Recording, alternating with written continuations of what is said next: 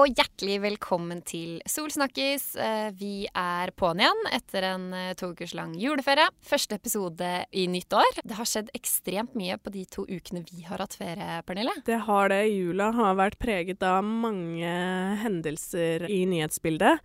Men akkurat denne episoden så tenkte jeg at vi kunne fokusere på en spesiell, eh, ikke hendelse, men situasjon som foregår akkurat nå. Ja, for det dårlige forholdet mellom Iran og USA det eskalerte jo på nyåret. Da amerikanske styrker tok ut den iranske generalen Qasem Soleimani. De siste dagene har jo situasjonen eh, eskalert ytterligere, eh, og vi i Sol snakkes, vi vil jo da prøve å skape en oversikt for dere. Ja, vi skal helt enkelt eh, ta, ta, dere gjennom hva situasjonen er nå, og hva den har eh, vært tidligere. Og hva som kan skje på et ganske grunnleggende nivå. Ja, Så dette blir rett og slett en spesialepisode over situasjonen i Midtøsten.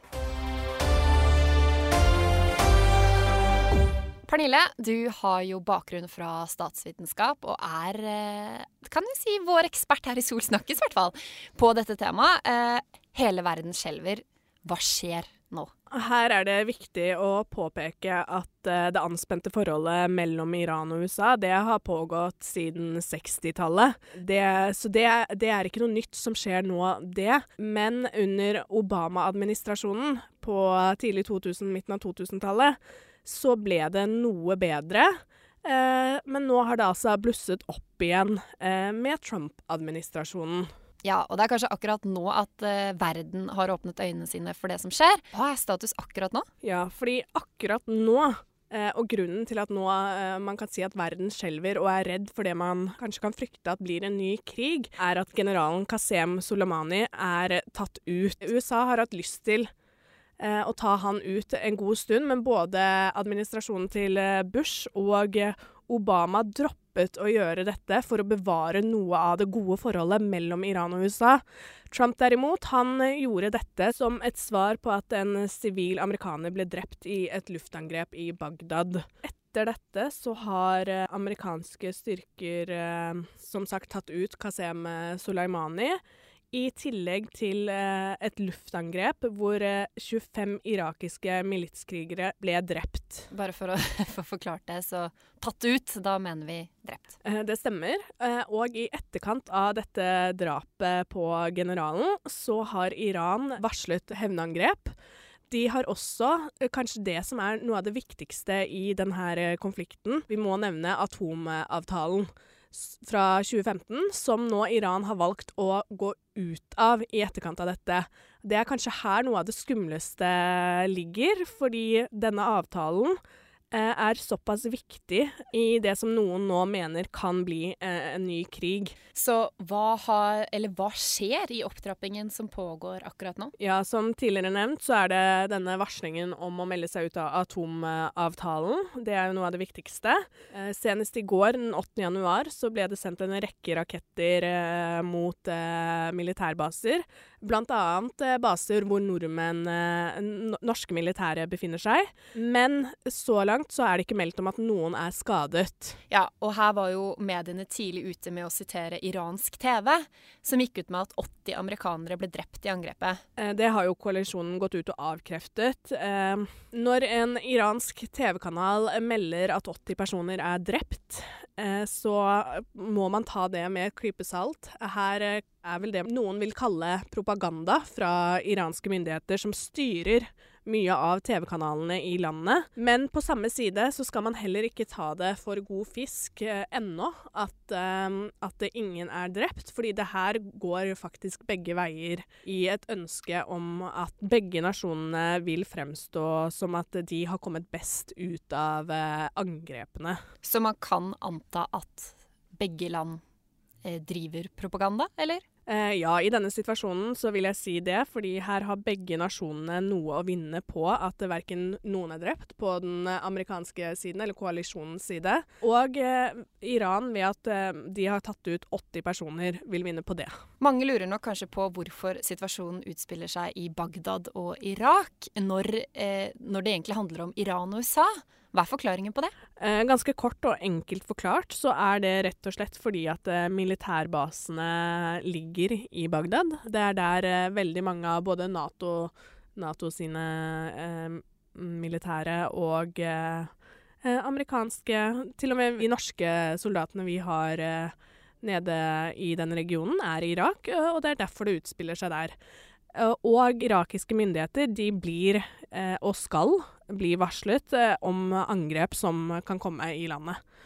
Og det har faktisk vært tilfellet her også, hvor at det har blitt varslet til myndighetene om at det vil komme luftangrep. Både fra den amerikanske siden og fra den iranske. Hvorfor tror du dette skjer akkurat nå? Det er valgår.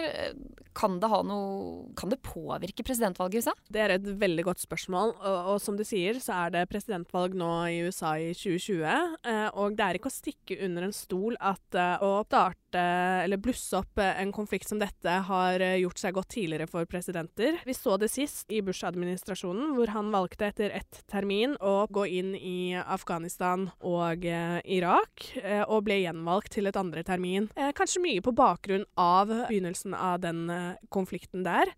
Um, så det kan tenkes at det her er ganske godt gjennomtenkt av uh, Trump og hans administrasjon, og nøye planlagt tidspunkt hvor det her er lagt, slik at uh, det kan bidra til et nytt gjenvalg for han, altså. Men her er det mange, inkludert meg, som tenker uh, hvorfor vil det gagne presidenten? For mange amerikanere så kan nok dette virke som at Trump tar et slags ansvar mot, mot Iran.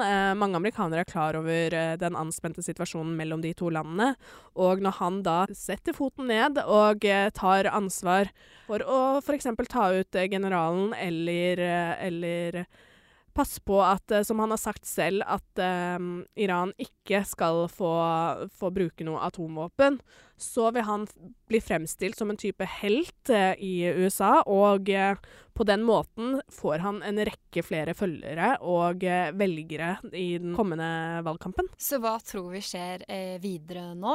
Gårsdagen var hektisk. Det startet jo med rakettangrep mot militærbaser i Irak. Noen timer etter så styrter et fly på vei fra Iran til Ukraina. Ingen av de som var om bord, overlevde. flystyrten skjedde jo da bare timer etter at Iran angrep eh, amerikanske militærbaser i Irak. Hva, hva er det? Ukrainske myndigheter, eller det vi trodde var ukrainske myndigheter, var ganske rask ute med å si at det her hadde ingen sammenheng med de tidligere rakettangrepene. Eh, senere på dagen fikk vi vite at eh, den meldingen ikke stemte, og at eh, de ukrainske myndighetene rett og slett ikke kunne vite ennå.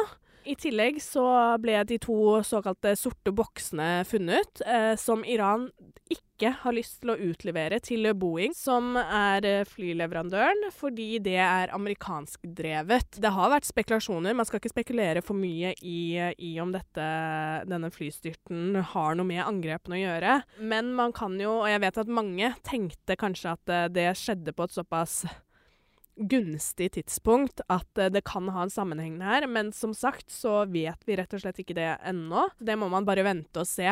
Uh, men uh, det var mange menneskeliv som gikk tapt. Kun, kun sivile. Så om dette er i forbindelse med, med konflikten, så vil det eskalere seg når det er sivile liv som går tapt. Mange var jo veldig spent på Donald Trump varsla jo tidlig at han kom til å snakke eh, i går, altså onsdag kveld, eh, fra Det hvite hus. Hva, hva, sitter vi igjen med etter det? Jo, jeg, selv ble jeg egentlig ganske overraska. Jeg trodde situasjonen skulle ta en helt annen vending eh, da Trump skulle tale. Eh, men sånn situasjonen er nå, og eh, ettersom, eh, etter det Trump selv sa, var at nå så han ønsker fred. Uh, han varslet ingen nye angrep. Uh, han kom ikke med trusler slik som han tidligere har gjort. Ikke at man skal ta det helt for, uh, for god fisk, fordi det er situasjonen akkurat nå. senere på dagen i dag så kan Trump bestemme seg for å tvitre et eller annet, og da blusser det opp igjen. Um, så det her er ikke noe som er avsluttet uh, nå bare fordi det akkurat i dag ikke er varslet noe nytt, eller at Trump har gått ut og tvitret. Uh, og i etterkant av Trumps tale så var det raketter som ble observert på vei mot den såkalte grønne sonen i ambassadeområdene i Bagdad. Så selv om Trump da har varslet, uh, ikke har varslet noen nye angrep, så må vi rett og slett vente og se hva iranske myndigheter velger å gjøre i situasjonen. Eh, men jeg tror vi kan konstatere med at eh, dette er ikke over selv om det er rolig akkurat i dag eller i morgen. Det har ikke vært over siden 60-tallet, eh, sånn at denne situasjonen her må man bare følge veldig nøye med og se hva som skjer. Mange har jo vært redde og bekymra, og kanskje med, med grunn. Eh, altså, hva kan vi forvente videre? Er det grunn til å være redd? Eh, ja, som sagt så må man egentlig bare i denne situasjonen vente og se hvordan det utspiller seg. Eh, om man skal være redd eller ikke, det, det skal ikke jeg ta noe stilling til akkurat nå. Men uh, det her er to stormakter som har tilgang til uh, atomvåpen. Det er store militære makter, uh, begge landene. så man skal være klar over at situasjonen er alvorlig, og man kan forvente seg at ting, ting kan eskalere eh, videre. Ja, dette var da altså vår eh, spesialpodkast om situasjonen i Midtøsten. Vi håper vi klarte å gi deg et enkelt eh, og godt forklart bilde av det som skjer. Neste uke er vi tilbake med eh, såkalt vanlig podkast. Eh, det gleder vi oss til. Det gjør vi. Da blir det de eh, vanlige sakene i hermetegn. og en litt lettere stemning, får vi håpe på. Ja.